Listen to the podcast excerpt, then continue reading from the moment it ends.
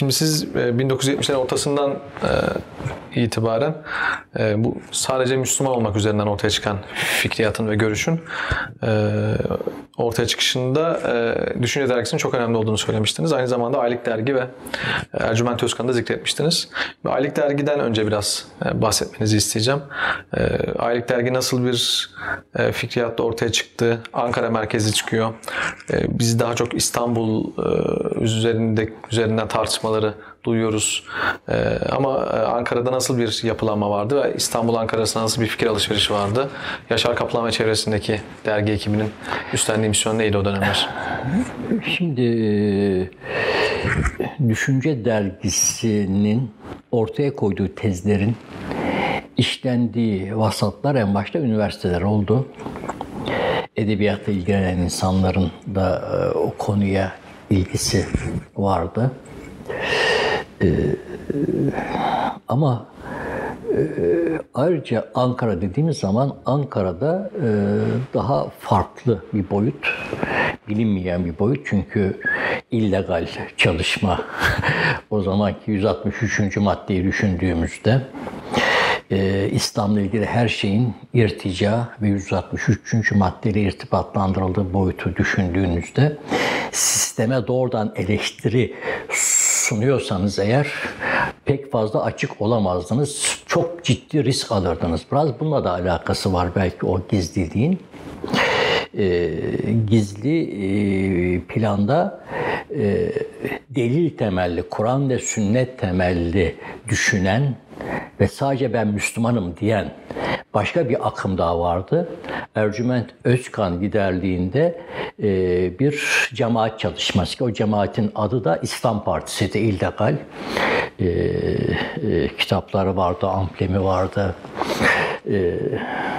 Fakat o çalışma biraz Ercüment Özkan'ın şahsıyla da irtibatlı olduğu için Ercüment Özkan 60'lı yılların ikinci yarısında Hizb-ut Tahrir'in Türkiye'deki e, e, reisi olmuş birisi. Fakat daha sonra gerek tarih görüşü, gerek işte coğrafya, metot, toplum değerlendirmesi gibi konularda bazı itirazlar olduğu için hapse de düşmüş Hizb-ut Tahrir dolayısıyla. Hizb-ut Tahrir'in değişmesini bekliyor fakat Takyüt Nebani'ye ulaşamadığı e, anlayışı içinde ayrılıyor Hizb-ut Tahrir'den. E, biraz da Hizb-ut Tahrir'i Arapçı buluyor kendi anlayışı içinde. Ve yeniden bir kalkış yani fikir temelli akidesini netleştirmeye çalışan, o netleşmiş akaitten Kur'an ve sünnet temelli bir metot çıkartan, buna göre bir nesil, bir çizgi, aşamalı, merhaleci mücadele anlayışına dayanan, o anlayışın da biraz Zekai Konrapa'nın e, siyerinde işte ilk defa gizli mücadele, yarı açık mücadele, sonra Medine açık mücadele formatıyla irtibatlandırıp biz daha henüz hazırlık aşamasındayız. Onun için gizliyiz denilen bir ekip Ercüment Özkan. Bununla beraber olan Ercüment Özkan'ın bu tezleriyle beraber olan e, Ankara'da üniversitede, ODTÜ'de özellikle bazı öğrenciler Mehmet Ali Baltaş'ı bildiğim kadarıyla Süleyman Kalkan gibi öğrenciler daha sonra bu yani İslam Partisi'nin metinlerin mesela emirname vardı illegal. Herkes o kitabın eğitiminden geçerdi. Kitap 200 küsur sayfalık bir kitap ama yani bir sene, bir buçuk senede ancak bitirilirdi. Her hafta toplam 3-4 sayfası okunur, tartışılır böyle derinlemesine. Fakat daha sonra bu temel perspektif verdiği e, söylem bu kitabın metinlerinin büyük ölçüde Hizbut Tahrir metinlerinden iktibas olduğunu gören, biraz da Şafii fıkhıyla irtibatlı boyutu olduğunu gören gençlerden bazıları ya kardeşim yani biz Kur'an ve sünnet diyoruz. E burada mezhebi görüşlerle bunlar harmanlanıyor. Biz doğrudan Kur'an çalışması yapalım. E, ama nasıl yapılacağı da çok da fazla bilinmiyor. Ama Kur'an'a bir yönelim taşıyan bir çizgi. İç tartışmalar neticesinde kopuyorlar. Bir de çok illegal bir hareket. Bu okudukları o emirname aslında işin bahanesi Abdullah Birisi yazarı Ercüment Özkan'ın derlemesi. Hizbut Tahrir metinleri biraz kendi katkısı. Ee, bakıyorlar Kızılay'da meydanda o hani e, dükkan kenarlarında satılır ya yani şey ucuz kitaplar orada satılırken görüyorlar. Bu ne hani bu çok önemli. Mesela bu tip hani MIT bizi bilmiyor, polis bizi bilmiyor. E, kitaplarımız sağda solda satılıyor. Bu tip evham ve vehimlerle de belki bu da Ercüment Bey'in anlatımı tabii ki e, kopma meydana geliyor. Ama bu kopan adamlar gençler bir tezle kopuyorlar. Yani biz bundan bin sene evvel, 1200 sene evvelki fıkıh metinlerini okuyacağımıza Kur'an'la bugünü yeniden e, analiz ederek, yeniden tahlil eden, ilmihalini yeniden yazan bir bilgilenme içinde olalım diyen gençler bunlar. E, kopuyorlar bunlar bir kısmı. Ee, Ankara'da gittikçe çoğalıyorlar. Benim bildiğim 20'ye yakın evleri oluyor, öğrenci evleri. Burada her bir evde Kur'an çalışması yapıyorlar. Kendi aralarında irtibatları var. Bir böyle potansiyel. İkinci potansiyel de işte Düşünce Dergisi. Onun bir nevi Ankara'da gene devamı Talebe Dergisi vardı. Bu, bu söylemle yani biz Kur'an'a ve sahih sünnete sahip olalım. Bununla hayatı yorumlayalım. Kimliğimizi buna göre oluşturalım diyen çizgiden etkilenmiş yazar çizer edebiyatçı takımı. Şiir yazan, hikaye yazan insanların bir buluşmasıyla bir kadro oluşuyor. Bu kadronun e, taşıyıcı unsuru Yaşar Kaplan o zaman. E, Yaşar Kaplan bahsettiğimiz bu Kur'an çalışması yapan ki bunlara mealci diye de itham edildi daha o dönemlerde. Evet içinde bazı mealci anlayışa sahip insanlar da vardı. Hayır, Kur'an'ı olması gereken şekilde okumaya çalışan insanlar da vardı. Çünkü hatlar çok net değildi. Yani birçok şey yeni öğreniliyordu. Tabii düşmeler, kalkmalar oluyor. E, doğruyu yakalarken, hakka yönelirken. O kesimlerin de bir nevi temsilcisi Hüseyin Avni vardı. E, bunlar bu ekip yani bu düşünce dergisinden e, o havadan etkilenen edebiyatçılarla diyelim Kur'an çalışması yapan insanların taban olarak bileşmesinden bu aylık dergi çıkmaya başladı. Yani ben Müslümanım diyen, sağcı, devletçi, milliyetçi değilim, ben sadece Müslümanım diyen e, söylem edebiyatla ilgilenen e, biraz mesafe almış şiir yazanlarımızı, hikaye yazanlarımızı, deneme yazanlarımızı etkiledi ve onların buluşma merkezi aylık dergi oldu. Böyle bir fonksiyonu var ve tirajı da yüksekti. Ee, içinde hem Kur'an çalışmaları, Kur'ani kavramlar yayınlanıyordu. Hem o perspektifte e, deneme yazıları, röportajlar yapılıyordu. Aynı zamanda şiirler, hikayeler yazılıyordu.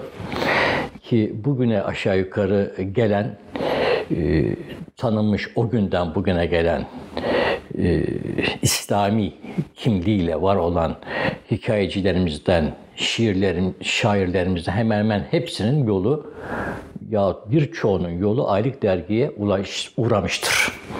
Yani öyle bir boyutu vardı. Yani Düşünce Dergisi düşünsel açılımı, hak arayışını ifade ederken Aylık Dergi yine Kur'an'a yaklaşımla birlikte edebi söylemi, edebi söylemle hak arayışını ifade ediyordu. Yani öyle bir fonksiyonu var. Bir irtibat var mıydı? Yani Ankara'daki ekiple İstanbul'daki ekip arasında biliyor musunuz? Bunlar hepsi birbirine tanışan insanlardır. O dönemde zaten sorgulayan, araştıran, okuyan, değerlendiren, analiz yapan insanlar çok azdı. Bunlar hepsi birbirini tanırdı. Arkadaş gruplarının öbekleri tabii ki daha sıkı irtibattır ama diğerlerinin irtibatları vardı. Birbirlerini eleştirseler de, didişseler de bazı bugün için bizim çok e, yani minimize edeceğimiz konularda ama aşağı yukarı her biri tevhidi uyanış sürecinin e, taşıyıcılarıydı bunlar. Aylık dergi e, bu sünnet, Resulullah'ın sünneti konusunda Kur'an'la bu konuya nasıl yaklaşacağımız tarzına yapılan tartışmalarda da yer almış e, bir yayın organı. E, bu araştırma tahkiklerinde yanılgıları, doğruları, yanlışları oldu. Bu boyutuyla mesela Aylık Dergi'nin aklımızda 80 öncesinden aklımızda kalan en önemli çıkışı Ehl-i Sünnet özel sayısını çıkartmıştı Aylık Dergi.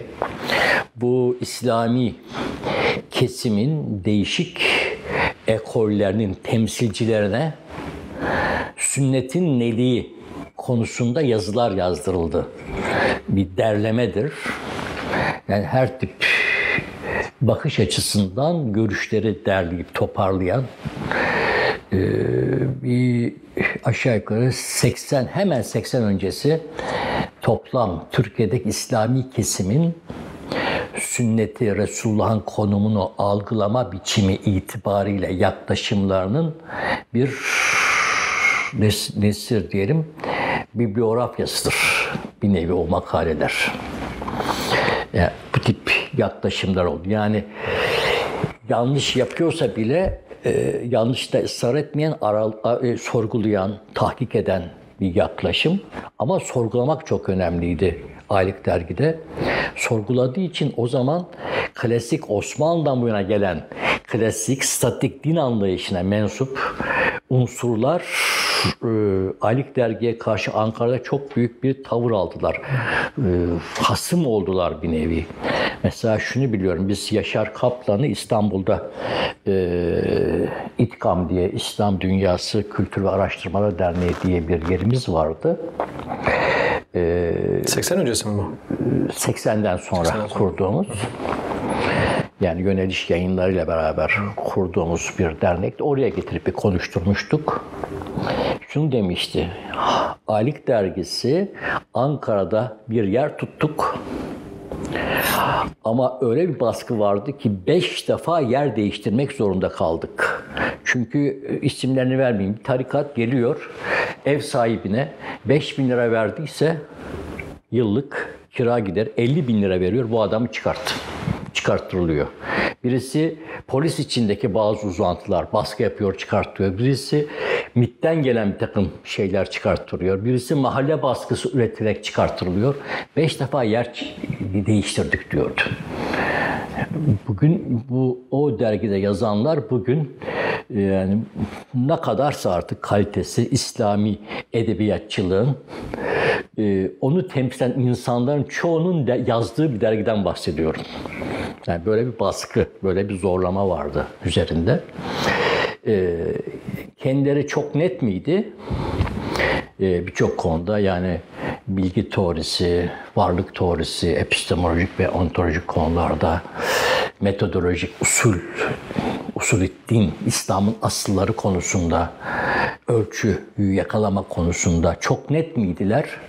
Homojenlikten bahsedemeyiz. Ama doğruyu, hakkı yakalamak konusunda önemli bir cehdi ifade ediyorlardı. Çabayı ifade ediyorlardı. Sorgulama sürecini yaygınlaştırıyorlardı. Ee, bu tip engellerle karşılaştılar. Daha sonra 12 Eylül darbesi süreçlerinde Demokrasi Risalesi diye bir çalışması var Yaşar Kaplan'ın.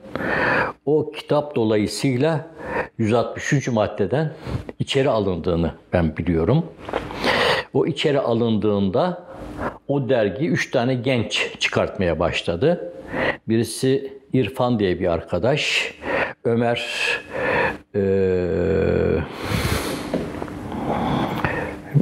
milletvekili şu anda Avrupa temsilcisi AK Parti'nin. Adana milletvekili. Çelik mi? Ömer Çelik.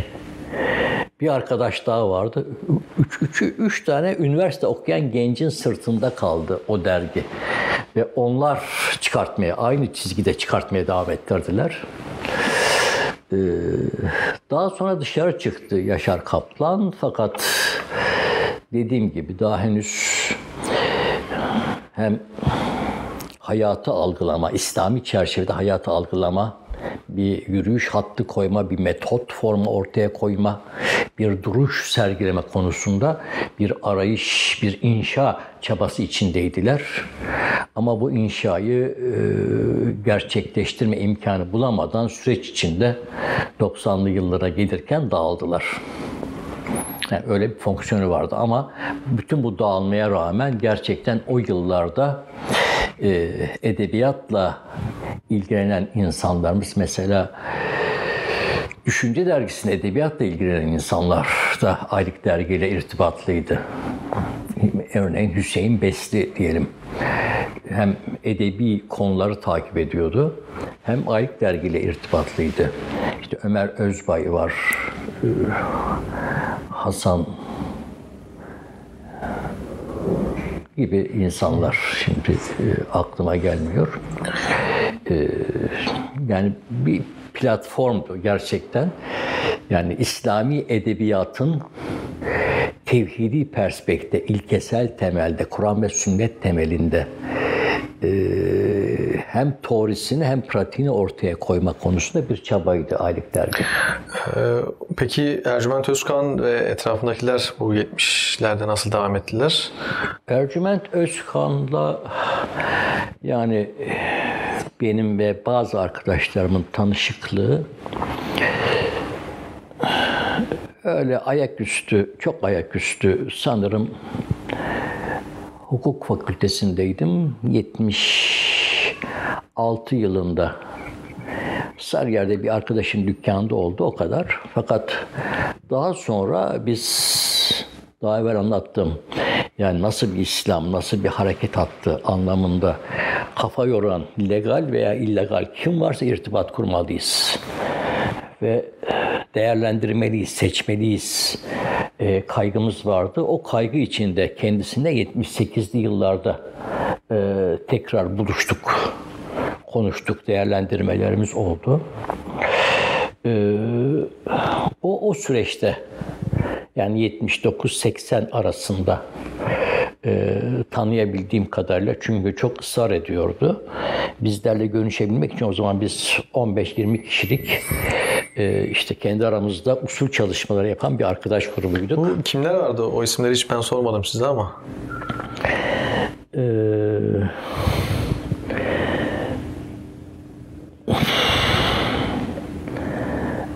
Şimdi tanımış insanlar bazıları onun için atlayayım. Peki. Çünkü her biri hayat hikayesini farklı anlatmak isteyebilir. Ama yani rahat söyleyeceğim. Ee, Muharrem Balcı vardı mesela diyelim ki. Ee, Muhammed Nurdoğan vardı. Ee, gibi isimler vardı. Da Dediğim gibi herkes kendi hikayesini kendi anlatmak isteyebilir. Yani içinde öğretim görevlileri vardı. Doktora yapan arkadaşlar falan böyle bir ekiptik. Ee, Bizimle irtibat kurmak için İstanbul'a gelmeye başladı. Yani ayda bir geliyor falan. Talep sizden değil ondan geldi anladığım kadarıyla. Biz görüşelim dedik. Görüşüyoruz. O o zaten e, böyle bir talebe e, zaten müzahir. E, Daha sonra e, bizimle e, ciddi bir çalışma yapmak istedi. Çünkü bize kendi metinleriyle bir çalışma yapalım diye teklif ettiğinde bize gönderdiği Ankara'dan e, birinci derecede temsil, onun hareketini temsil eden kişiler geldi. Yani biz e, çok memnun kalmadık. Yani insani ilişkilerinden değil. Ee, Bize önümüzde metin var, metni sunma, anlatma, analiz etme gücü bize basit geldi. Bunu da kendisine ifade ettik. O zaman kendisi geldi. Şöyle dedik, biz arkadaşları toplayalım.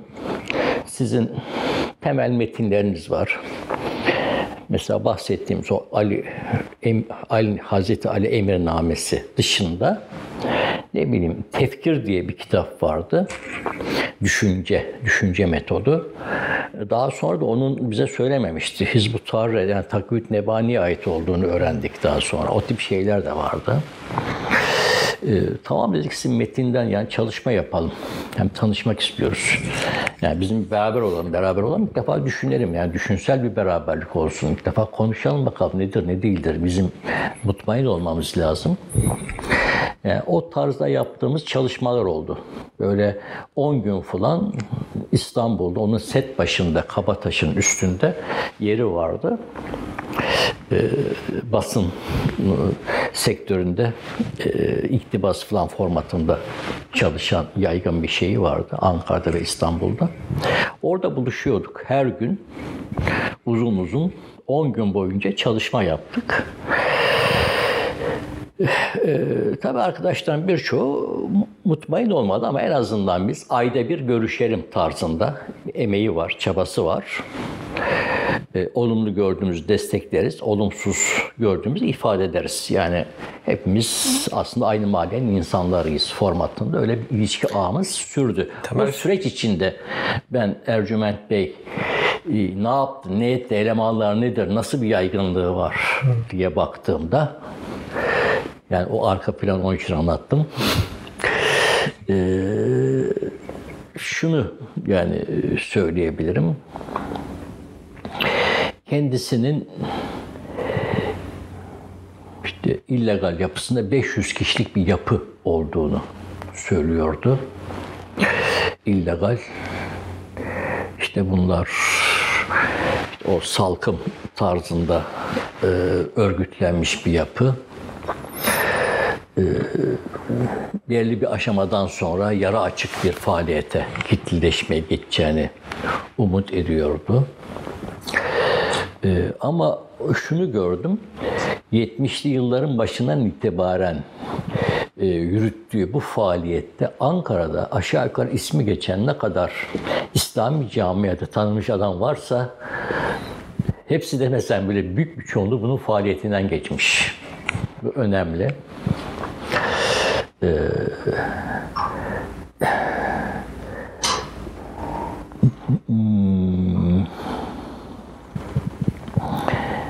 Yani bu tip etkinliği vardı fakat bu illegal yanı efendim metinlerinin gerçekten bi- bize göre yani daha usulü din çalışıyoruz ama o metinlerin çok ideolojik şeyler olduğu yani yorum yorum olduğu bir çoğunun yorumdan ilke olabilir. Yani değişkenlerimiz, sabitelerimiz ve değişkenlerimiz tarzında beraber ilkelerini belirlersin. Değişkenlerimiz hepimizin, yani sabitelerimiz hepimizin sabite. Onu da ifade edersin. Mesela akaidde en fazla etkilendiğimiz boyut o takvit nebbani'den gelen evvelde bizim usul çalışmalarımıza takıldığımız konu gaybi konularda zan olur mu olmaz mı? Gaybi konularda yakınlık olur mu olmaz mı? Mesela ne bileyim Teymiye'yi okuyorduk.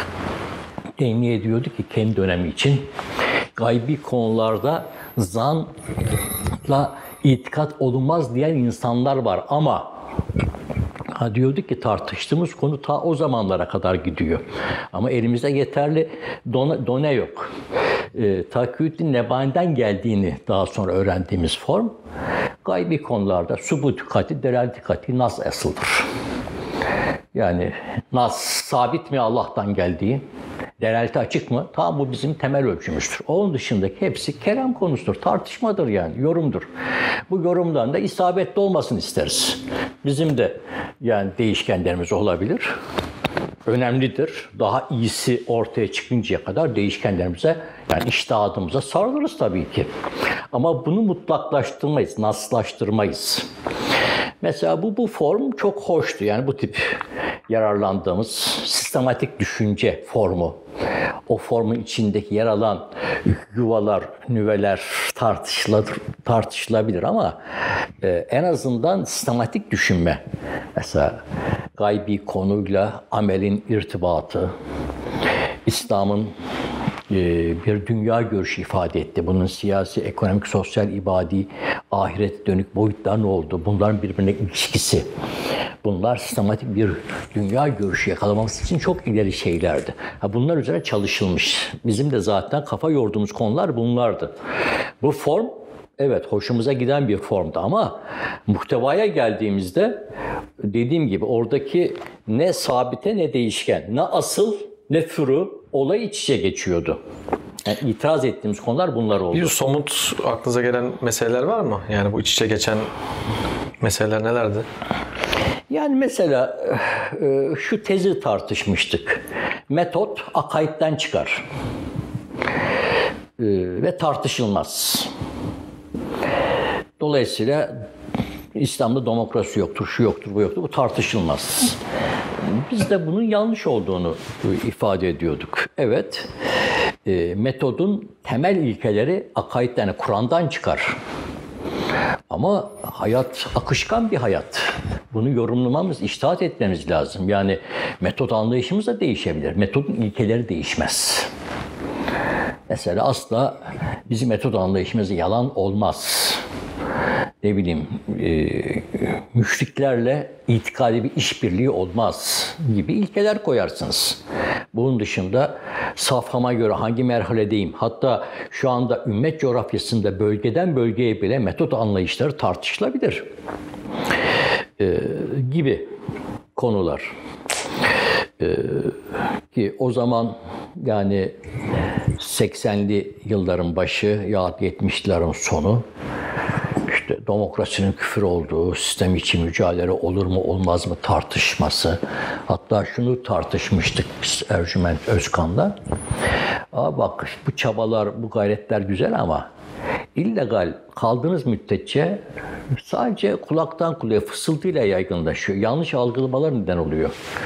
Aslan şey Kur'an-ı Kerim'de onun şunu yakalamıştık. Biz Müzzemmil suresinde Resulullah'ın ilk vasfı şahit.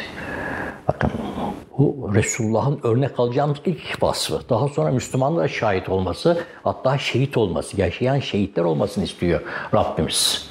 Yani açık tanıklık çok çok önemli.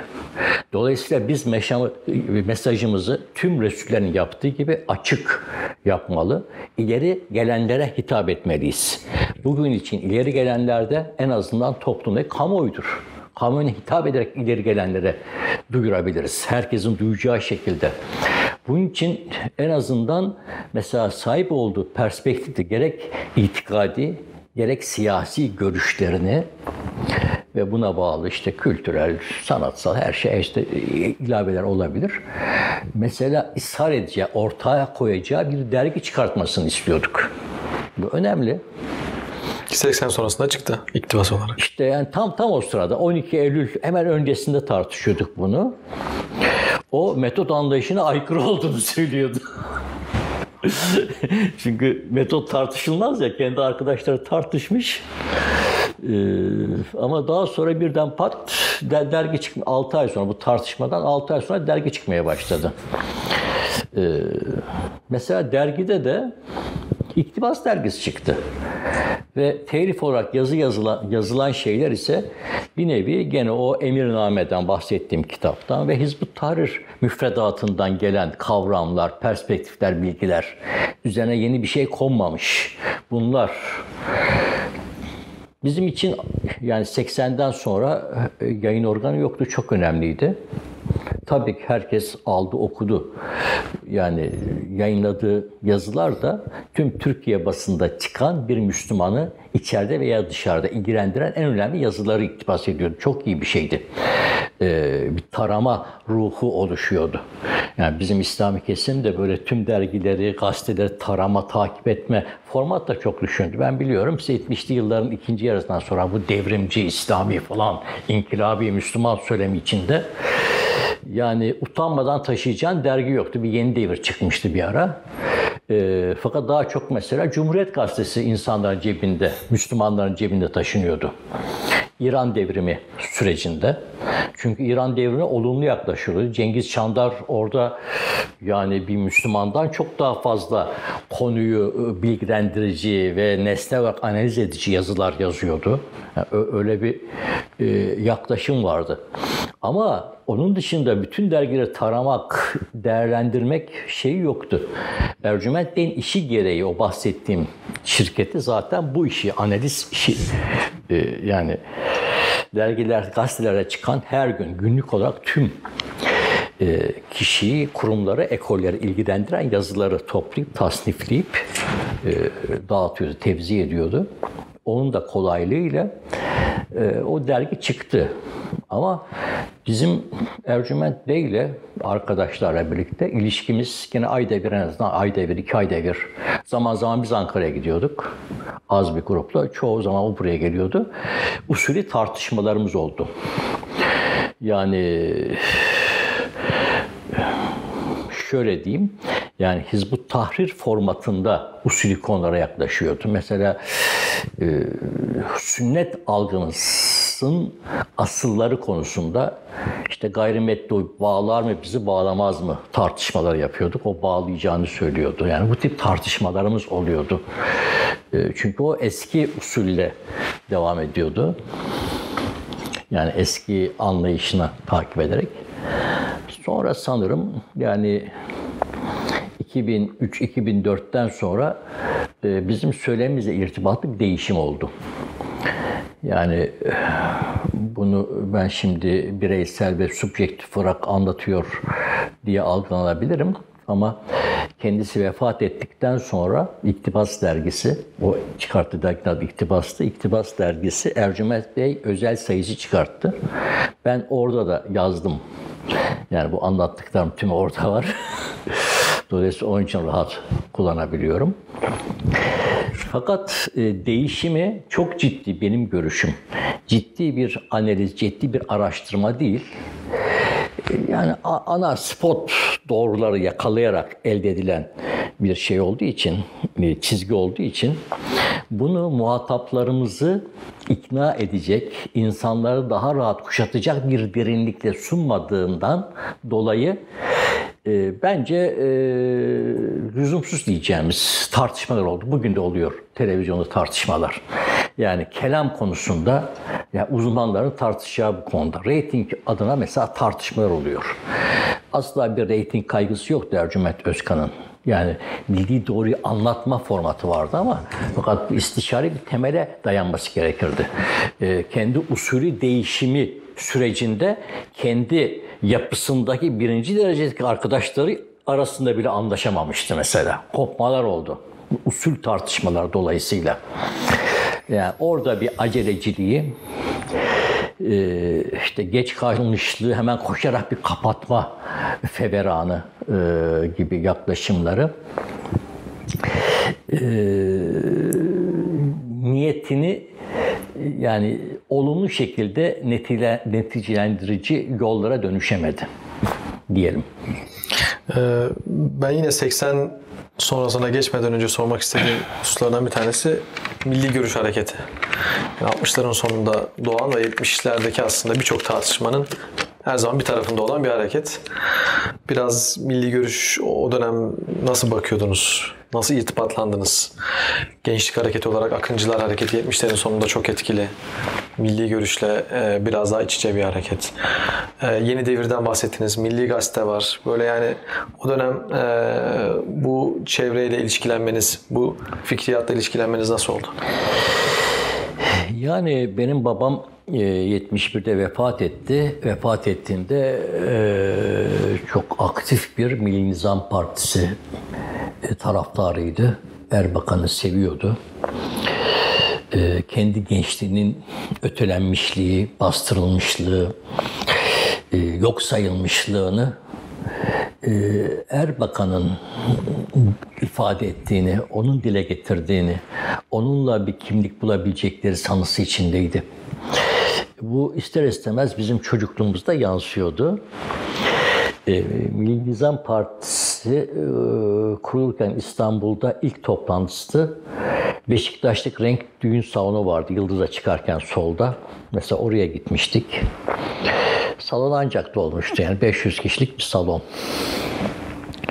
Sonra e, 29 Mayıs'ta İstanbul Kurtuluş dolayısıyla Yeni Kapı'dan Fatih Camii'ne öyle bir yürüyüş olmuştu. Ben okuldan kaçmış oraya gitmiştim. Ee, Erbakan'ın arkasına kol kola girmiş ufaktık ama yürüyorduk. Tek yol İslam yazacağız diyorduk. Ee, o şeyi marşı söylüyorduk. Hak geldi batıl zail oldu diye bağırıyorduk. Böyle bir çocukluk sürecimizde duygusal İslamilikle alakalı içe geçmiş bir format e, bir nevi bu içe geçmiş Mettebe'de Milli Tüterbe Birliği'nde duyduğumuz o İslami duyarlılıkla Milli Nizam Partisi'nde duyduğumuz duyarlılık içe geçmişti. Milli Nizam Partisi tabii ki daha Türkiye çapında bir şey olduğu için daha bir öncü veriyordu ama o süreçte daha evvel ifade ettim. Yani ben daha böyle metodik, daha usulü tartışmalar boyutuyla arkadaşlarımla beraber Sarıyer'de yeniden milli mücadeleye yöneldiğimiz için e, milli nizam ve mektebe boyutundan kopup daha kadro, daha kalıcı, daha ileri görüşlü bir merhaleci mücadele içine girdiğimizi düşünüyorduk. Ama o girdiğimiz süreç, İslam diye girdiğimiz süreç e, bizi bin yıllık tarihçi daha sonra beş bin yıllık tarihçi yani Erbakan da aşan. Erbakan bin yıllık diyordu hiç olmazsa İslam'da Türklüğü buluşturuyordu. Onu da açtı beş bin yıllık tarih biz koptuk. Dolayısıyla peki doğru ne diye aradığımızda doğru bize gerçekten işte o bahsettiğim Düşünce Dergisi, Aylık Dergi, Ercüment Özkan'ın çabaları ya böyle münferit tek tek isimler de var. Ee, bunlarla irtibat, bunlara daha sağlıklı, daha tutarlı bir çizgi arama, daha üst bir İslami kimlikle olaya bakma, daha tutarlı bir mücadele verme. Biraz da çok idealist. Yani reel siyasetin içten bakmak değil, ideal olanı taşıyan bir kimlik yakalama cehdine yönetmişti bizi. O cehle ben milli görüşe 70 76'dan sonra bakmaya başladım. Gördüğümüz şey şuydu. Mesela değişik İstanbul semtlerde Akıncılar Derneği kurulmaya başlamıştı. 76, 77, 78'den sonra. Oraya giden arkadaşları biz teşvik ediyorduk. Çünkü mahallenin futbol oynayan gençlere gidiyor. Babası Müslüman gidiyor. Gitsin diyorduk, teşvik ediyorduk. Ama e, var olan birikimimiz itibariyle çok hamasi görüyorduk. Artı biz millilikten, sağcılıktan arınmaya çalışıyorduk. Evet, Erbakan'da biz ne sağcıyız ne solcu. Bunların hepsi renkli. Biz renk yani renksizler diyordu bunlara. Ee, ama yani neticede milliliği ön plana suluyordu. Biz millilikten kaçıyoruz, milli görüş.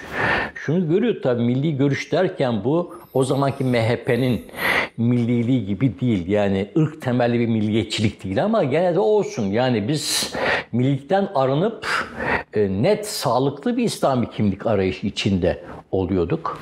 Ki benim ifade ettiğim tevhidi uyanış süreci içindeki Düşünce Dergisi, Aylık Dergi, bunların açılımı, Şura Dergisi, Tevhid Dergisi, Hicret Dergisi, İslam Hareket hepsinde ki o zamanın İslami uyanışın, tevhid uyanış sürecini bunlar temsil ediyor. Hepsinde benzer kaygılar vardı. Evet bu bizim mahallenin anamız babamız bu ama e, millilikten kurtulamıyor. Fakat milliliği de eli mecbur ne yapsın? 163 madde var öyle gizleniyor. Ama bakıyorsun öyle mi değil mi? Yani bir kafa karışıklığı var. Fakat bizim mahallenin insanları bunlar duygusuyla bakıyorduk. Ee, çok gönlümüz e, İran İslam devrimine kadar aktif olarak e, parti faaliyetlerinde, seçim kampanyalarında çalışmaya el vermiyordu. Sonra ne değişti devrimle beraber? Devrimle beraber daha küçümsemeye başladık. Ee, devrim de o zaman yeteri kadar analiz etmiyorduk tabii ki. Yani işte bizim kafamızda zaten yani İslam devrimle iktidara gelmeli formatı var. Ama nasıl olacağını tartmış. Sünnetullah ne, nasıl olacak bu, sistem içi ilişkiler ne? Bunların henüz o zaman Türkiye Müslümanların benim yaşımda o sürece tekabül ettiği için yani kimliksel gelişim yaşım aşağı yukarı genellemeler yapabiliyorum. O tevhidi uyanış süreci içindeki herkes hem bir Milli Selamet Partisi vakasına bakıyordu. Bir İran devrimine bakıyordu. öbür tarafta işte Hizbut Tahrir gibi daha böyle radikal falan marjinal söylemlerin içine bakıyordu. Aslında sorgulama başladığı için bu yaklaşımı her birinin birbirini ittiğini, aslında aynı havza, aynı daire içinde olduklarını, her birinin bir eksiğin olduğunu ama artıların bizim artılarımız olduğunu düşünüyorduk. Bu artılarla daha doğru ne yapılabilir gibi bir kaygımız var ama yaşlarımız küçüktü. Yani aşağı yukarı bu ifadelerle e, o dönemi karşılayabilirim. E, tabii ki hepimiz seçimlerde mesela 77 seçimlerinde epey bir milletvekili kaybetmişti. İçindeki nurcular falan ayrılmıştı. Çoğu şeye geçti, Adalet Partisi'ne. Bir kısmı da e, Necip Fazıl Kısakürek, Fethullah Gülen. Onların hepsi MHP'ye geçmişti o zaman. Tabii ki Milli Selamet Partisi'nin yani bizim için İslam mahallemizin duyarlılığıydı. Kaybetmesi bizi çok üzüyordu. Ee, kazanınca da hoşumuza gidiyordu. Ama yeterli görmüyorduk. Yani idealize edemiyorduk. Çünkü 70'li yılları kendi şartlarına değerlendirmek gerekir. O zaman çok önemli ideolojik bir tartışma vardı. Üniversitelerde, akademi ya liselerde e, siz ister istemez yani sol hakimiyete ve ülkücüler de çok güçlüydü. Ülkücüler 2000 1980'e doğru kendi arasında da e, bir şey oldu. E, ikilem söz konusu oldu. Hasret dergisi falan gibi dergilerle kanımız aklıda Zafer İslam'ın diyen ülkücüler vardı işte Tanrı Türk'ü korusun diyen ülkücüler vardı. Bu tip ayrımlar da söz konusu oluyordu. O kanımız aksa da zafer İslam'ın diyen çizgi büyük ölçüde tevhid uyanış çizgisinin bakın o ideolojik tartışmalardan, söyleminden etkileniyorlardı ciddi anlamda. Böyle geçişler oluyordu yani. Ama Marksist kesim Alavi çok doktrinal ve çok donanımlıydı kendilerine göre. Onları cevaplayacak bizim e, okuyacağımız malzeme de yoktu. Yani çok sloganik kalıyorduk onları cevaplarken. Yani böyle bir ortamda daha tutarlı bir kimlik arayışı içindeydiniz. Evet yani Milli Görüş Hareketi bir zemin. Yani Türkiye'deki Müslüman kesimin zaten Müslüman kesimde daha evvel ifade etmiştim. Yani e, çok parti sisteme geçerken e, yani sisteme sığınarak var olmaya çalıştı. Hacca gidebilirim, camilerim tekrar açılsın, namazım deforme olmasın diye. Evet ben de Türk'üm, ben de Türk devletini savunuyorum ama Müslümanım falan diyebilmek için böyle milli bir dindarlık söz konusu olmuştu. Ama yani bir özgürleşme dönemi var artık. Türkiye'de iletişim çağı içine giriyoruz. Bunun aşılması gerekirdi. Ee, biz Milli Selamet Partisi bunu aşamamış. Yani hala 45'li yıllardaki söyleme oynayan bir parti olarak görüyorduk. Daha sonra okumalarımızda şunu gördük. Mesela Türkiye Milli Çalışma Partisi vardı. Ee, şu uçak fabrikalarının kurucusu. 1945'te kurulmuştu. Ee, bu partinin seçime girmesine girdiği yerlerde birinci parti çıkıyordu. Milli Çalışma Partisi. Ee, bu partinin seçime girmesini engellediler ve Demokrat Parti ondan sonra kuruldu.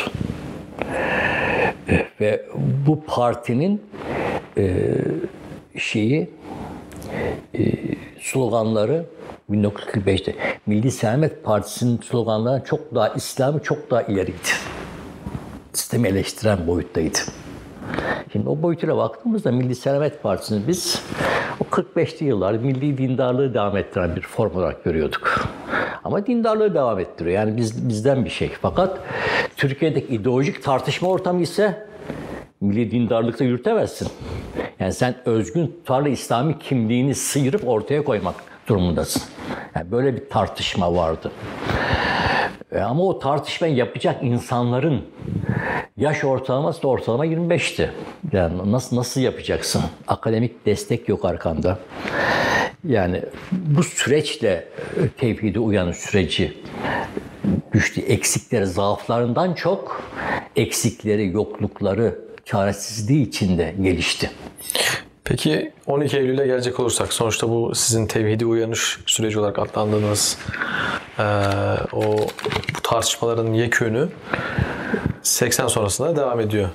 Siz 12 Eylül'ün etkisini öncelikle bütün bu saymış olduğunuz çevrelere eee, etkisini nasıl yorumlarsınız? Ve sonrasında 80 sonrasında yavaş yavaş 80'lerin başından itibaren bu çabalar nasıl devam ediyor? Şöyle olmuştu. İran devrimi söz konusu olduğunda e, bütün dünyada olduğu gibi ümmet coğrafyasında bir heyecan uyandırdı. Çünkü Amerikan hakim olduğu İsrail'in karşıtıydı bir nevi İran. Amerikan'ın hakim olduğu bir ülkeydi.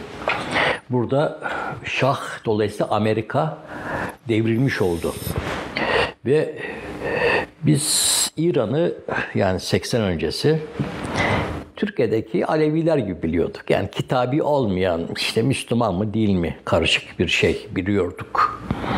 Ama baktık adamlar tekbir getiriyor, la ilahe illallah diyorlar, namaz kılıyorlar. E, çarşaflı, tesettürlü kadınlar piyasada. Allah için ölüyor, kaçmıyor dedik. Bu adamlar Müslüman.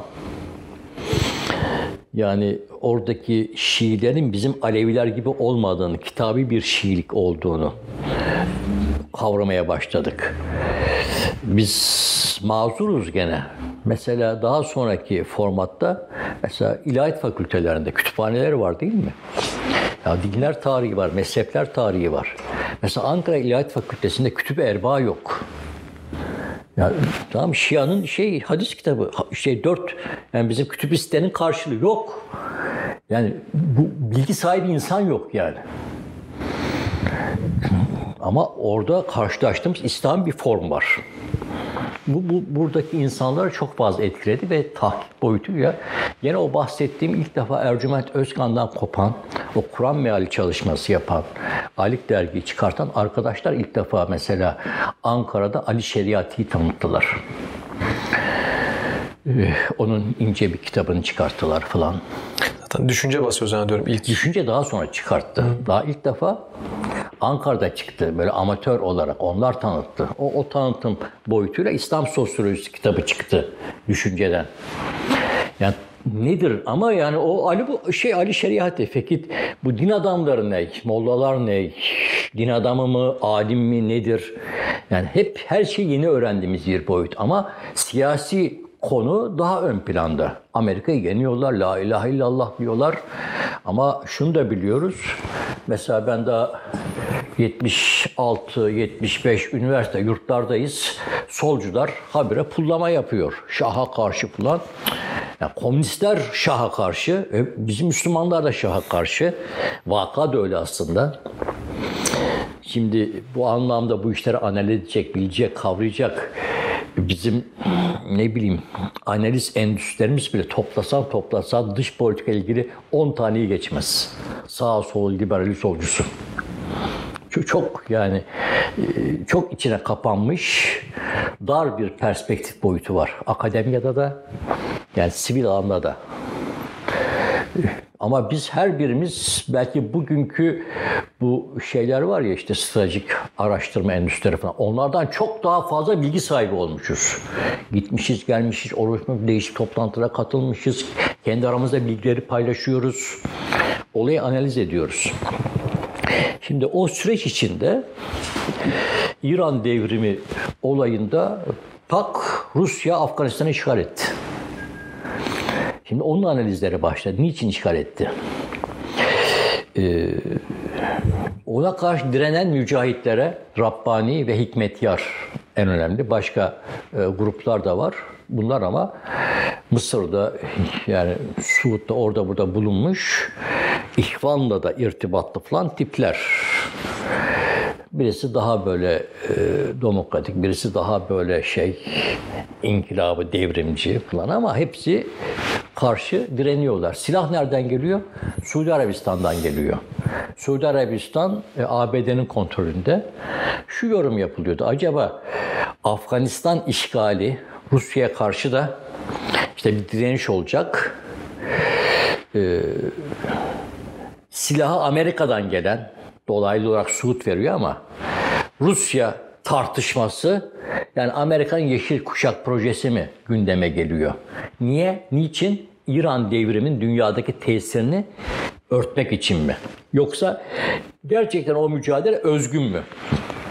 Bu tip tartışmalar oldu. Bizim için özgündü. Çünkü burada insanlar gidiyordu, geliyordu, görüşüyorduk. E, silahı nereden bulursan alırsın. Çaresizlik hali.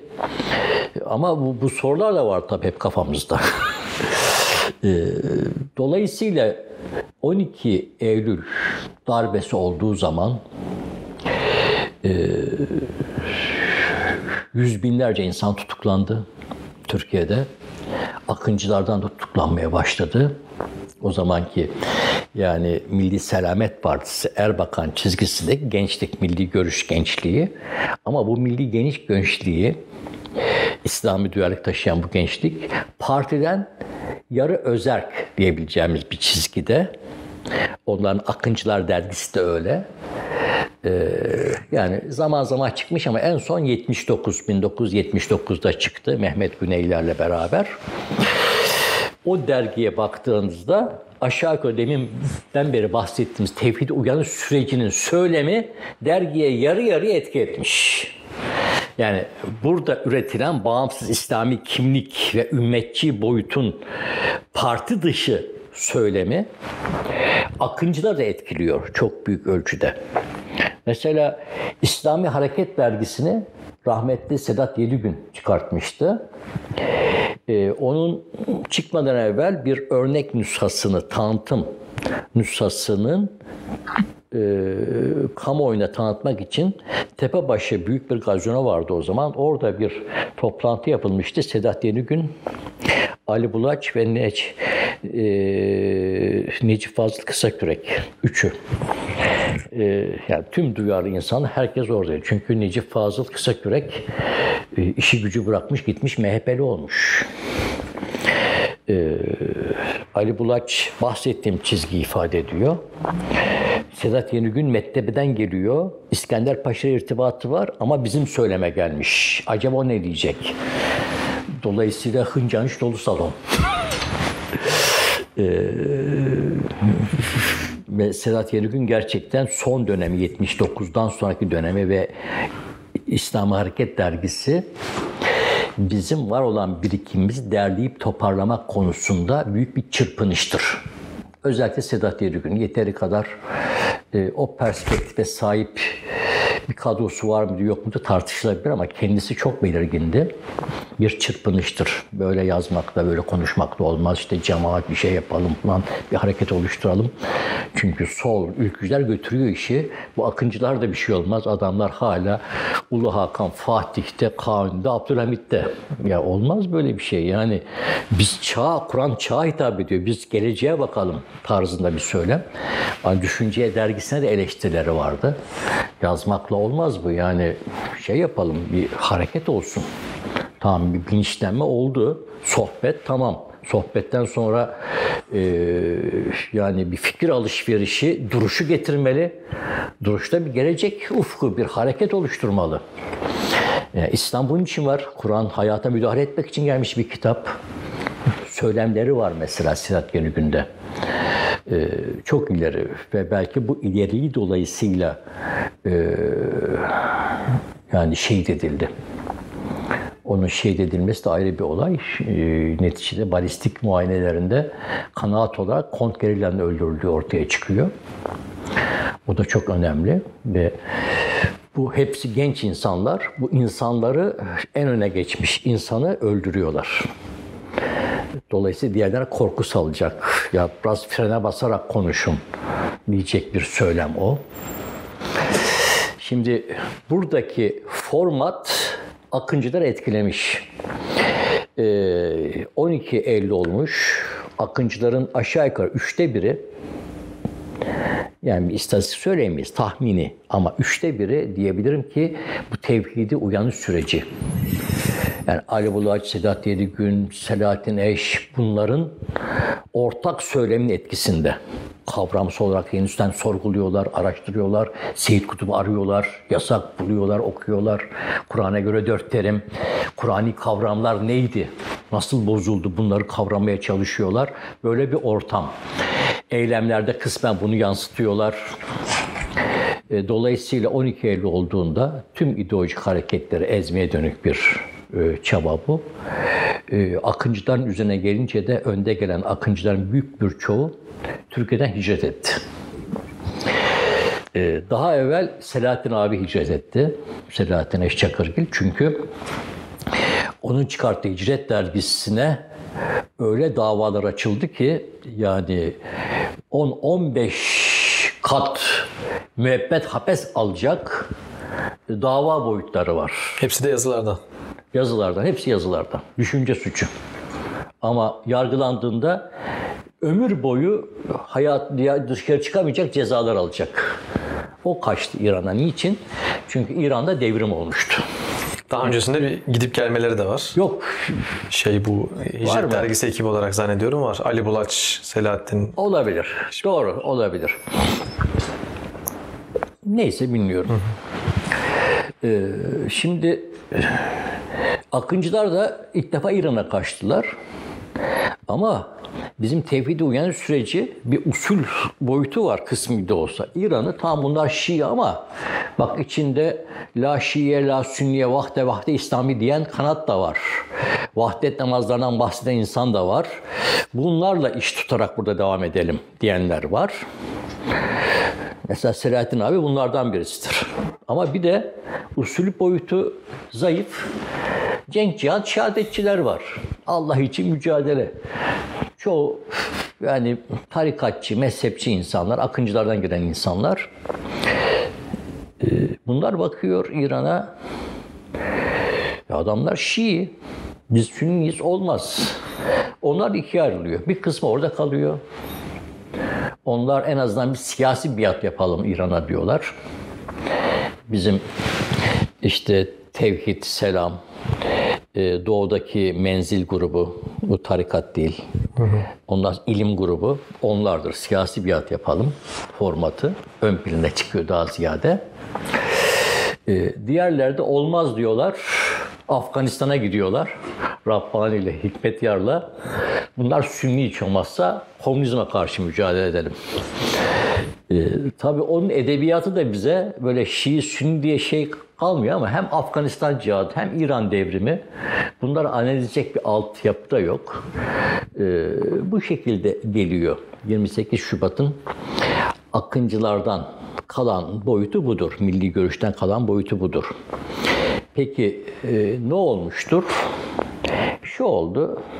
ABCD'yi yeni öğrenen insanlar daha bir özgürlük, kısmi bir özgürlük ortamı vardı. Öyle bir baskı ortamı vardı ki mesela o dönemden gelen insanların hemen hemen hepsinin evinde Düşünce Dergisi, Tevhid, Şura, işte Hicret dergileri vardır, İslam Hareket dergileri vardır. Gidin kütüphanelerinde bu dergilerin çoğu yoktur şu anda.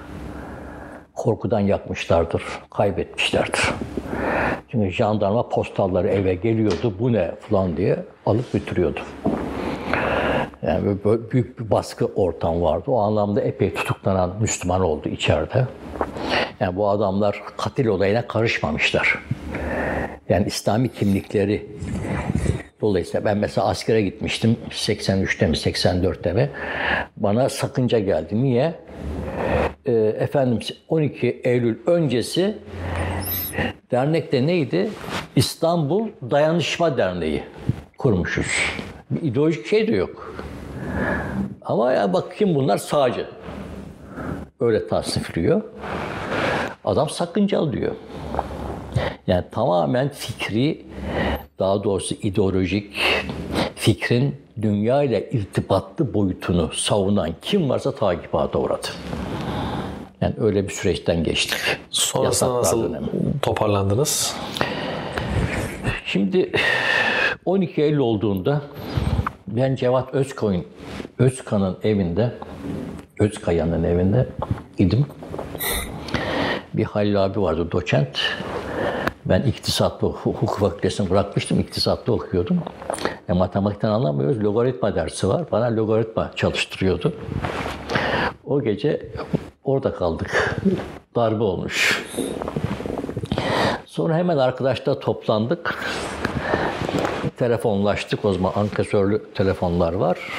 Şehzadebaşı Camii'nde toplanacağız. Ee, toplandık. Hemen hafız şey müezzin elinde gırgır makinesi. Zaman gırgır vardı böyle.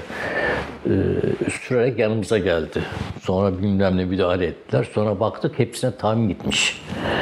Ve o ilk dönemde üç kişinin bir araya toplanması yasak diye şey çıktı. Sıkıntı tahmini çıktı. O zaman ister istemez ilişkiler bir nevi devam ettirmek isteyenler. Yani kaçanlar kaçtı, sinenler sindi, emekli olanlar emekli oldu ama devam ettirmek isteyenler bir nevi takip boyutunu gözeterek baskı, gözaltına alma, tutuklama boyutunu gözeterek bir nevi işte illegal şartlara uygun ilişki ağına girdiler. Ben mesela e, iş olarak milli eğitimde çalışıyordum. Kütüphane memuru olmuştum o sırada. E, memur olmadan rağmen şeyden okuldan kaçtım. Çünkü sivil polisler geliyor beni arıyormuş. İşte bir 15-20 gün Horhor'da Pınar'ın bir ev vardı. Orada kalmıştım mesela. yani herkesin böyle bir sıkıntısı vardı. Tedirginlik boyutu vardı. Ama bu olay atlatıldığında o sırada e, İran'da devrim olmuş. Tahran Radyosu akşam saat 19-20 arasında dinleniyor. Hele doğuda çok fazla dinleniyor. Bir de Türkçe yayın yapıyorlardı. Onlara 6 saat falan yapıyorlardı. Türkçe bir saat yapıyorlardı. Ve onlar da bizi kışkırtıyordu. Kudüs günü çıkın meydanlara falan diye. yani bir hikmetli bir çağrı yoktu. Yani İslami biz derken İslami duyarlılık sahibi insanlara. Hatta o şey bir gün Kudüs günü e, şeye gidilmişti. E, Cavloğlu'ndaki İran konsolosluğuna çıkışta kim kimi kimi topladılarsa topladılar, çevirdiler. 200 300 kişi içeri aldılar. Yani böyle bir baskı, sindirme boyutu vardı. Yani o dönemde e, bir dağınıklık söz konusu oldu. Ama şu şu merhalelere bağlayalım. İrtibatı sürenler ciddi anlamda ev dersleri yapmaya başladılar. Ki sanırım İstanbul için söyleyeyim. Anadolu birçok yerinde böyle. Ama İstanbul çok daha önemli. Çünkü yayın evleri, kitap evleri falan değişik kuruluşlar vardı. Rahat irtibatlar kurulabiliyordu. Ev dersleri başladı. Ev dersleri tabii ki daha bir sıcaklığı, samimiyetle getiriyordu. Çok yaygındı İstanbul'da ev dersleri. Hanımlar arasında olsun, erkekler arasında olsun, öğrenciler arasında olsun. Bu ev dersleri e, tabii ki bütünsel bir irtibatı sağlamıyordu. Herkesin çevresi arkadaşın arkadaşıyla sınırlı idi. Hem şehirlik, e, mesela burada tevhid e, şeyi vardı, e, vakfı vardı. E, buranın da devamıdır herhalde o. Onlar mesela Erz, Erzincanlılar formatı. Bu gayet doğal bir şey. Yani herkes arkadaşın arkadaşı kadar açılabiliyordu. Çünkü baskı vardı. Yani dikkat ediyordu insanlar ama o da bir samimiyeti getiriyordu, sıcaklığı getiriyordu.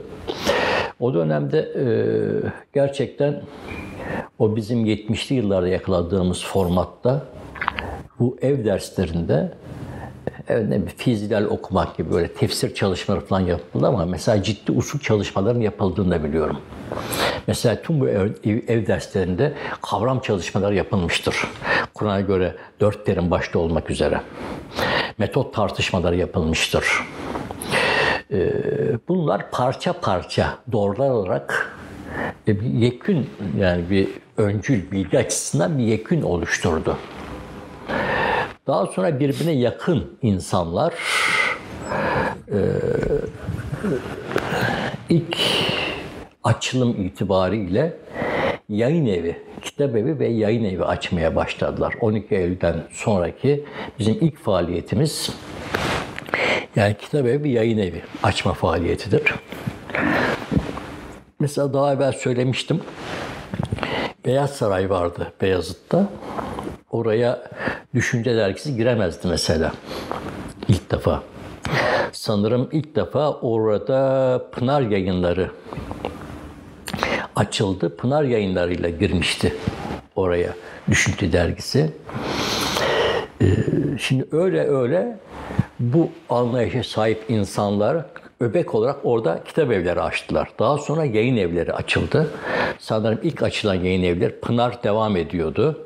Ama neşriyatı yoktu. Daha sonra neşriyat yapmaya başladı. Düşünce dergisi şey yayınları e, kapandı 12 Eylül'den sonra. Onun yerine Beyan Yayınları Düşünce Dergisi'nde yer alan oranın bir nevi muhasebesine gelip gidişine, işleyişine bakan Ali Kemal Bercan Temizler. temizler vasıtasıyla Beyan Yayınları kuruldu. Hemen ondan sonra bir yayıncılığın kurulduğunu biliyorum. Ee, peşinden insan yayınları kuruldu. Bunlar bir cemaat yayın evi değildi. Yani Pınar'ınki bir çevreydi ama diğerleri fakat 12 Eylül öncesi yapılan faaliyetlere alan açan, kapı açan yayın evleriydi. O açıdan trafiği çok yoğundu bunların. Yani beyan yayınları, e, bir yayıncılık, insan yayınları, Pınar yayınları, e, yine Beyaz Saray tipi yayın evleri devam ediyordu. Mesela Akçay, Ankara'da güçlü bir yayın evi ama bahsettiğimiz misyonu taşıma noktasında bunlara kapı açma konusunda bahsettiğimiz yayın evleri çok çok ön plana çıkmıştı. Peşinden e, dergiler çıkmaya başladı. Yani şey iktibas devam ettirdi. İki, iki defa falan gözaltına alındı, işkence gördü Ercüment Özkan. 12 Eylül şartları altında. İslam dergisi devam edebildi ve İslam dergisi o zaman bir nevi akıncılara hitap etme formatında İskender Paşa e, yani Nakşi bir formatta olsa da ümmetçi bir söylemi ön plana çıkartıyordu. Mesela Fehmi Koru İktibas dergisinin başına geçecekken bu da önemli bilgi. Ee, İslam dergisinin başına geçti. Onunla beraber, Fehmi Koru ile beraber e, dergi 100 bin tiraja ulaştı süreç içinde. Bu önemli bir şeydi, atılımdı.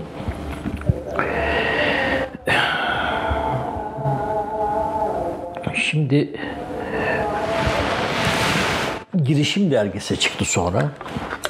Yani bizim bu radikal söylemin etkisinde kalmış biraz Afganistan, biraz İran duygusallığı. Biraz o zaman radikal nurculuk diye bir akım çıkmıştı. Med Zehra Vakfı sonra Zehra Vakfı oldu falan böyle. Yani şunu deseler Mesela bugün bunu diyenler var. Birinci Said, ikinci Said bir teslimiyettir. Düşkünlüktür, inzivaya çekilmektir. Ve o inziva döneminde de bir nevi bir ruh halidir. Yani halüsinasyon gibi işte bana bildiriliyor falan noktalarına gelmiştir. Onu o bağlamda ben değerlendiriyorum. Ama 50'li yıllar ikinci yarısından sonra Demokrat Parti görece özgürlük ortamı söz konusu olduğunda tekrar kısmen geri dönüşü var Said Nursi'nin. Mesela Türkiye'deki İslami uyanışı İslam dünyasındaki yayınlarla ilk tanıştıran en önemli yayın evi Hilal Yayınları'dır. Onun kurucusu e, Salih Özcan şeyin talebesi. Nur, Said Nursi'nin ve onun teşvikiyle 58'de Hilal dergisini çıkartıyor. Hilal dergisiyle tüm İslam dünyasına açılıyor. Bu gene Said Nursi'nin teşvikiyle oluyor. Ben hatta bir ara Diriliş Postası'nda bir köşe yazı, yazı yazmıştım ilk çıktığında. E, vefat etmişti 2013'te Salih Özcan. Ona, ona bağlı olarak bir yazı yazmıştım. Bunları ifade ettim Salih Özcan rolünü. Bana Kazım Güleç Yeni Asya gazetesi baş yazılan saldırdı. Ben ona cevap yazdım, o saldırdı. Ben ona cevap yazdım, saldırdı. Böyle bir format vardı. Ben diyordum ki Said Nursi şartlar iyileşince birinci Said'e döndü. Daha sonra Mardin'de geçen sene bir sempozyumda e, şey de yaptık, think tank çalışma, atölye çalışması yaptık. Orada bir Mustafa diye bir profesör Ankara'da kartını verdi, kaybettim. E, dedi ki Hamza Bey o yazıları biz takip ettik. Kendisi Nurcu olduğunu söylüyor. Biz senin görüşüne aynen katılıyoruz ama diyoruz ki o üçüncü sayit. Yani O şekilde bir adlandırma yapmışlar. yani. adlandırma yapmışlar.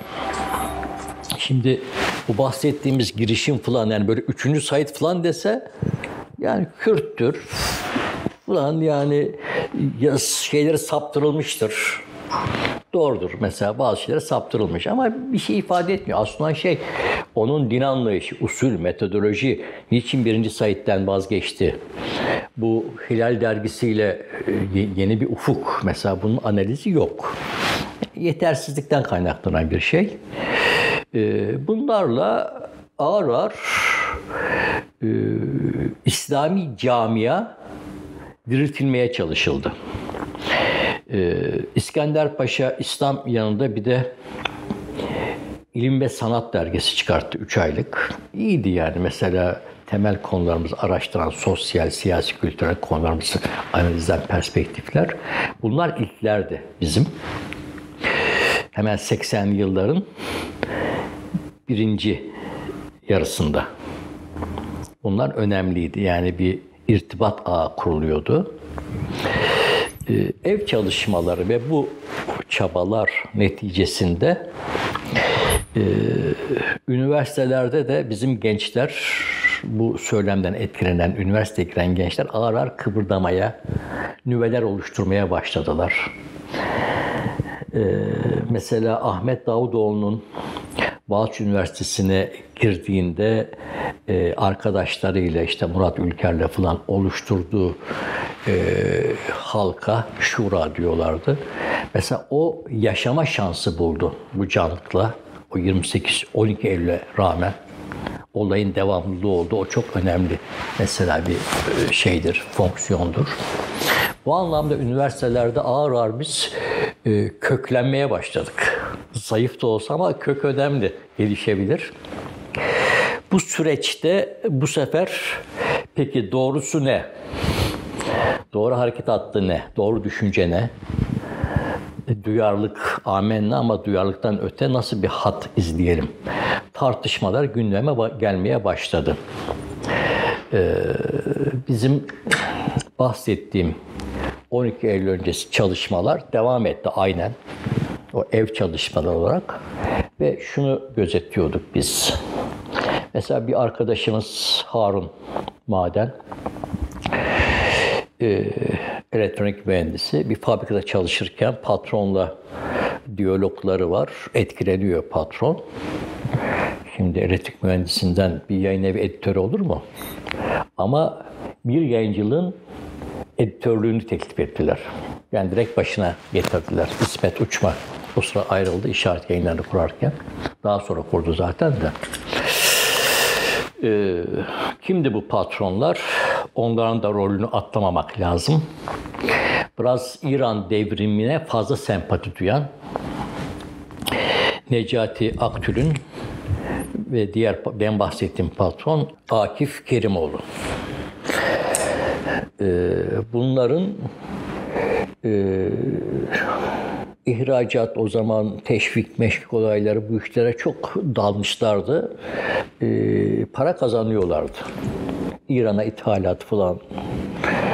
Ve buradan kazandıkları paranın bir kısmıyla Birleşik Yayınlarını kurdular. Birleşik dağıtım. Birleşik dağıtımı kurdular. Birleşik dağıtım o zaman işte yeni piyasaya açılan Yani bir sürü gelenekçi e, yayın evleri var ama bahsettiğimiz İslami kimliği temsil etme pozisyonunda e, kitap evlerini ön plana çıkartarak e, bir tevziyat, bir dağıtım, Türkiye çapında bir dağıtım e, çabası içinde oldu. Bu çok önemliydi. Mesela e, 1986-87 yıllarında 88 yıllarında e, önemsediği 10-12 tane yayın evi vardı. Bunların her biri bir ekoldü. Ve bunların kitaplarını e, yani Türkiye'ye birinci elde bunlar dağıtıyordu.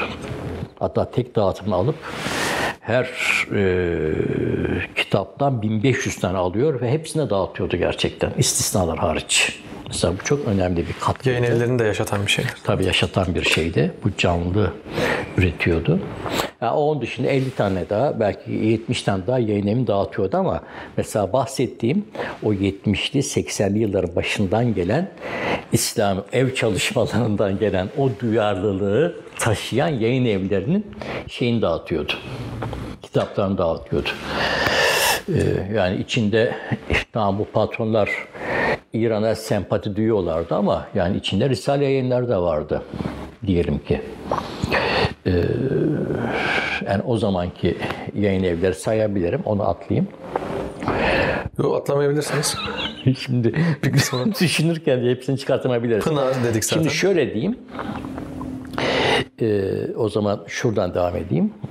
Ee, bizim Harun Bileşik Dağıtıma geçtiğinde bizim Harun ve diğer arkadaşlar çalışmamız devam ediyordu. Kafamızda şu, şu, şu vardı. Anadolu'da bir sürü samimi insan, çocuk üniversiteyi kazandığında nereye gelecek? Uğrayacağı mahfil yok. İlk uğrayacağı yer e, beyan yayınları, insan yayınları, bir yayıncılık. E, Pınar biraz daha o kendi milli mücadele çizgisi olduğu için bazen gidiliyordu, bazen gidilmiyordu. Ama bu üç yayının evi bir nevi o 70'li ve 82. birinci yarısındaki var olan tevhide uyanış süreci veya akıncı gençten genç, akıncı çizgiden gelen daha tutarlı insanların çocukları bunlar üniversiteye girip İstanbul'a gel ilk defa buraya uğruyorlardı. Başka merci yok. Buraya geldiklerinde e, abiler oturuyor, muhabbet ediyor, sohbet ediyor. Çocuk kitap mı gelmiş koli gidiyorlar yardım olduğu için Allah rızası için kolileri aşağıdan yukarıya çalışıyorlar, tartışıyorlar. Postane mi gidiyor? Gönüllü gidiyor çocuk. Böyle insanlar var ama dinliyor ne yapacağız? E, abiler muhabbet ediyor. Yani e, Sedat Yedigün'ün aradığı format yok. Çocuk bakıyor, ya muhabbetçi oluyor. Ya bir şey olmaz diyor, çekip gidiyor. Ya da farklı mecralara yöneliyor. Yani bunu gördük biz Harun'un oraya gelmesiyle. Bizim formatımızda şöyle bir şey vardı. 70'li yıllardan itibaren var olan gelişmeyi değerlendirdiğim için kendimize göre yani legal veya illegal İslami tebliğ ve faaliyet adına tutarlı kim varsa onunla takılacaktık. Ama yoksa kendi işimize bakacaktık. İrtibat kurduk ama yani ifade ettim yani bu süreçten zaten öyle ciddi bir model ortaya çıkmıyor. Biz ise usul çalışmaları yapıyorduk. Her konuda mutlaka bir Kur'an taraması yapıyorduk. Ee, ve kafamızda insanın kimliğini, perspektifini oluşturacak, sistematik olacak 15 tane falan konu vardı aşağı yukarı. Yani usulü konular, Kur'an usulü, işte hadis usulü, sünnet usulü, fıkıh usulü, akaid usulü falan. Onun dışında yani nasıl bir metot, toplumu nasıl değerlendiriyor, nasıl bir tarih değerlendirmemiz var. Dünya sistemine nasıl bakıyoruz, Türkiye sistemine nasıl bakıyoruz, reel siyasete nasıl değerlendireceğiz gibi böyle 15 tane temel e, mevzumuz var. Her birinde ok, ön perspektifimiz vardı ama her birinde derinleşmek istiyorduk. Yani bu konuda en uzman akademisyen kimse onlar da konuşarak, tartışarak, kendimiz okuyarak, her konu Kur'an'la sağlamasını yaparak, İslam kültüründeki yerine bakarak bir değerlendirme yapmak istiyorduk. Bu çalışmalarımızı e, tamamladığımızda en azından piyasaya bir dergi olarak çıkalım, bir ekol dergisi olarak çıkalım. Ee, bir irtibat ağı olacak bütün Türkiye'de. Ona bağlı olarak da peşinden onu besleyecek bir yayın evi kuralım diye düşünmüş idik. Ama e, Harun bahsettiğim bir yayıncının başına geldiğinde İsmet Uçma ayrılmış, ayrıldı. Daha sonra işaret yayınlarını kurdu. Yani şunu gördük, gençler geliyor gidiyor, geliyor gidiyor ve eriyorlar. Ee, Harun da orada iki sene şey yaptı, e, yöneticilik yaptı. E, ama ilkeli şey yapıyordu. Mesela bazı kitapları e, biz şey yapıyorduk yani çıksın diye. Biz katkıda bulunuyorduk. Mesela diyelim ki Urvet Ruska yayınlattık. Yani biz, bizim çabalarımız da oldu falan. Ama baktık yani mekanizmadaki işleyiş ilkeli değil. Sıkıntı var yani. Öyle bir takım ihtilaflar da oldu. Hatta Harun'u oradan uzaklaştırma falan ihtimali olunca biz tavır olarak projemizden vazgeçtik. Yayın evini ön plana aldık. Dergi arka planda kalmış oldu. Evet, o dergi arka planda kaldı. Yani dergi için bizim daha en azından 5 yılımız vardı. Yani ister istemez erken doğum oldu. Yöneliş yayınlarını bu anlamda yani e, bir hem tavır hem de böyle bir mekanizma var. Böyle bir mekanizmada güzellik üretelim diye kurduk. 1988 değil mi? 1980 87'de başladık, 88'de ilan ettik. Ee, öyle kuruldu arkadaşlarla. Yani bizim için yani diğer yayın evler bir vakıf gibiydi ama bizim için ilkeli bir vakıf. Yani bir hareket formunun bir parçası olarak kurduk. Nasıl devam etti sonra? Yani Öyle devam etti. hem yani. bastığınız Çok- kitaplar itibariyle hem daha böyle bir toparlayıcı bir Tabii yani Yer olmaya mı ilgi çalıştınız? uyandırdı. Yani bastığımız kitaplar önemliydi. Yani oryantalistlerden de kitap basıyorduk ama önemli, fonksiyonel. Mesela bir şeyimiz yoktu. Ee, kompleksimiz yoktu. Yani mesela diyelim ki Oliver Roy'un Afganistan'da Direniş ve İslam diye bir kitabını bastık. Bize çok ciddi eleştiri geldi o kitabı bastığımız için. Ama kitapta denilen şey doğruydu. Yani Afganistan bir şey çıkmaz diyordu adam. Bunlar aşiret her biri. Aşiret kültüne ayrılamıyorlar. İslam ikinci planda. Ee, Şimdi akademik de bir kitap, iyi de bir kitap adam yazmış. Yoksa Oliver Roy neticede batılı paradigmaya bağlı İslam düşmanı birisi. Yani bu- bunu, bunu aşalım. Yani bana usulü planda katkı sağlayacak bilgi yanında analiz içeren kitaplar da basalım. Bu yani sırnaşmak, karşı tarafa e, yanaşmak ya ticareti ön plana çıkartmak anlamında değil gibi yapılan tartışmalara katkı sağlayacak. katkı sağlayacak, kitaplar. arka plan sağlayacak. E, karşılık buldu. Ne bileyim mesela diyelim bir mutezile ve devrimi bastık. Bize mutezile diyen falan fıstık olan en fazla satan kitabımız en fazla tartışılan kitap oldu. Yani mutezile diye bir şey olmadı ortaya çıkıyordu o. Daha sonraki felsefik tartışmalara mutezilenmiş. Yani Hicri 1. asırdan sonra saltanat sistemine karşı tavır olan çizgiye tevhid ve adalet ekolü deniliyor. Bunun içinde daha sonra mutezile denen de var. İmam Cafer de var. Zeydiler de var. Ebu Hanife de var. Yani bunlar daha sonra tanımlanmış. Hanifelik, Caferlik bilmem ne diye. Yani bir, bir ıslah çizgisi var.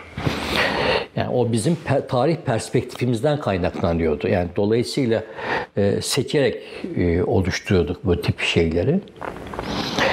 E, bu çabalar yanında bu sefer şöyle bir şey oldu. Ağır ağır bizim üniversitede Müslümanların etkinliği artmaya başladı. Bu süreçte öbeklenmeler yani fikri öbeklenmeler yahut da hatıra öbe- öbeklenmeleri olmaya başladı. Nostalji öbeklenmeleri. Ee, bu öbeklenmelerde tevhidi uyanış sürecine saygı duymakla beraber ilk çıkan ideolojik dergi daha ziyade İran sempatisi duyan Tevhid dergisi oldu mesela bizde. Ee, peşinden biz Dünya ve İslam'ı çıkarttık. Üç aylık yani gene analiz dergisi. Ama içinde bizim telif yazılarımız da oluyordu. Ee, ona bağlı olarak Yeryüzü dergisi çıkmaya başladı. Eski Burhan Kavcı ülkücülerin e, İslam yani tevhidi uyanış sürecine etkilenmiş ülkücülerin çıkarttığı dergi. E, aksiyon yanı daha fazlaydı. Öyle fikri şeyler çok önemsemiyordu ama fakat form böyle bir şeydi. Sonra e, Müslüman genç dediğimiz çizgi yani akıncıların tevhidi şeyi seçmiş boyutu üniversitede e, Tahir Gül'ün etkinliği çok fazlaydı. Onunla e, Müslüman Gençlik Dergisi'ni çıkarttılar. Ama e, yani yeterli şey yoktu. Ekipman sürdüremediler. E, Malatyalılar bazı gruplarla, tohumla falan değişik gruplarla bir birlikteliğe gitmişlerdi. Onlar Değişim dergisini çıkarttılar. Ama o, o homojenleşmemişlerdi. Beraberlikleri dağıldı sonra. Bir sene sonra dergiyi çıkartan ekip bıraktı falan. Ee, iç tartışmalar, çok ciddi iç tartışmalar yaşandı. Ee, şeyde AKV'de bülten olarak çıkarttığı Ümran broşürünü normal dergiye dönüştürdü. Gene aynı e, yani Pınar gibi aynı çizgiden gelen Ankara'daki bir ekip Fecir yayınları Fecir dergisini çıkarttı. İktibas zaten çıkıyordu.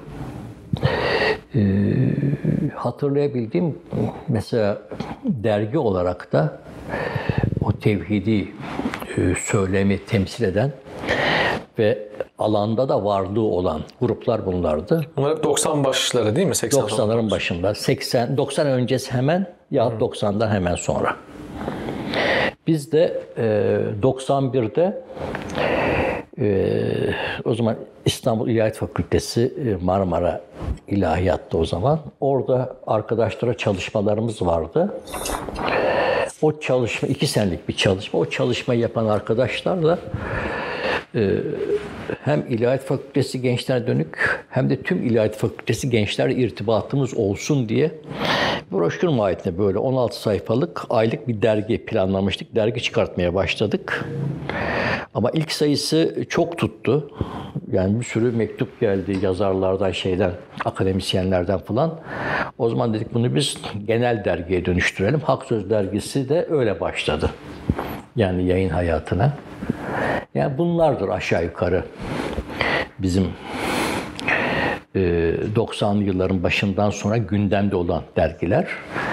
Ha Girişim dergisi kapandı. Bir müddet sonra Girişim dergisinin önemli bir kısmı, hepsi değil mi? Önemli bir kısmı biraz da gene nurculuk formatını radikalizm biraz Kürt sonuyla iç içe sokan Yeni Zemin dergisi çıktı. Ali Bulaçlar da e, hemen gene 90 öncesi bir nevi eski düşünce dergisine hasret duyan bir formatta e, Bilgi ve Hikmet dergisini çıkarttılar. O derginin asıl taşıyıcısı aslında bilebildiğim kadarıyla takip edebildiğim Abdurrahman Aslan olmuştur.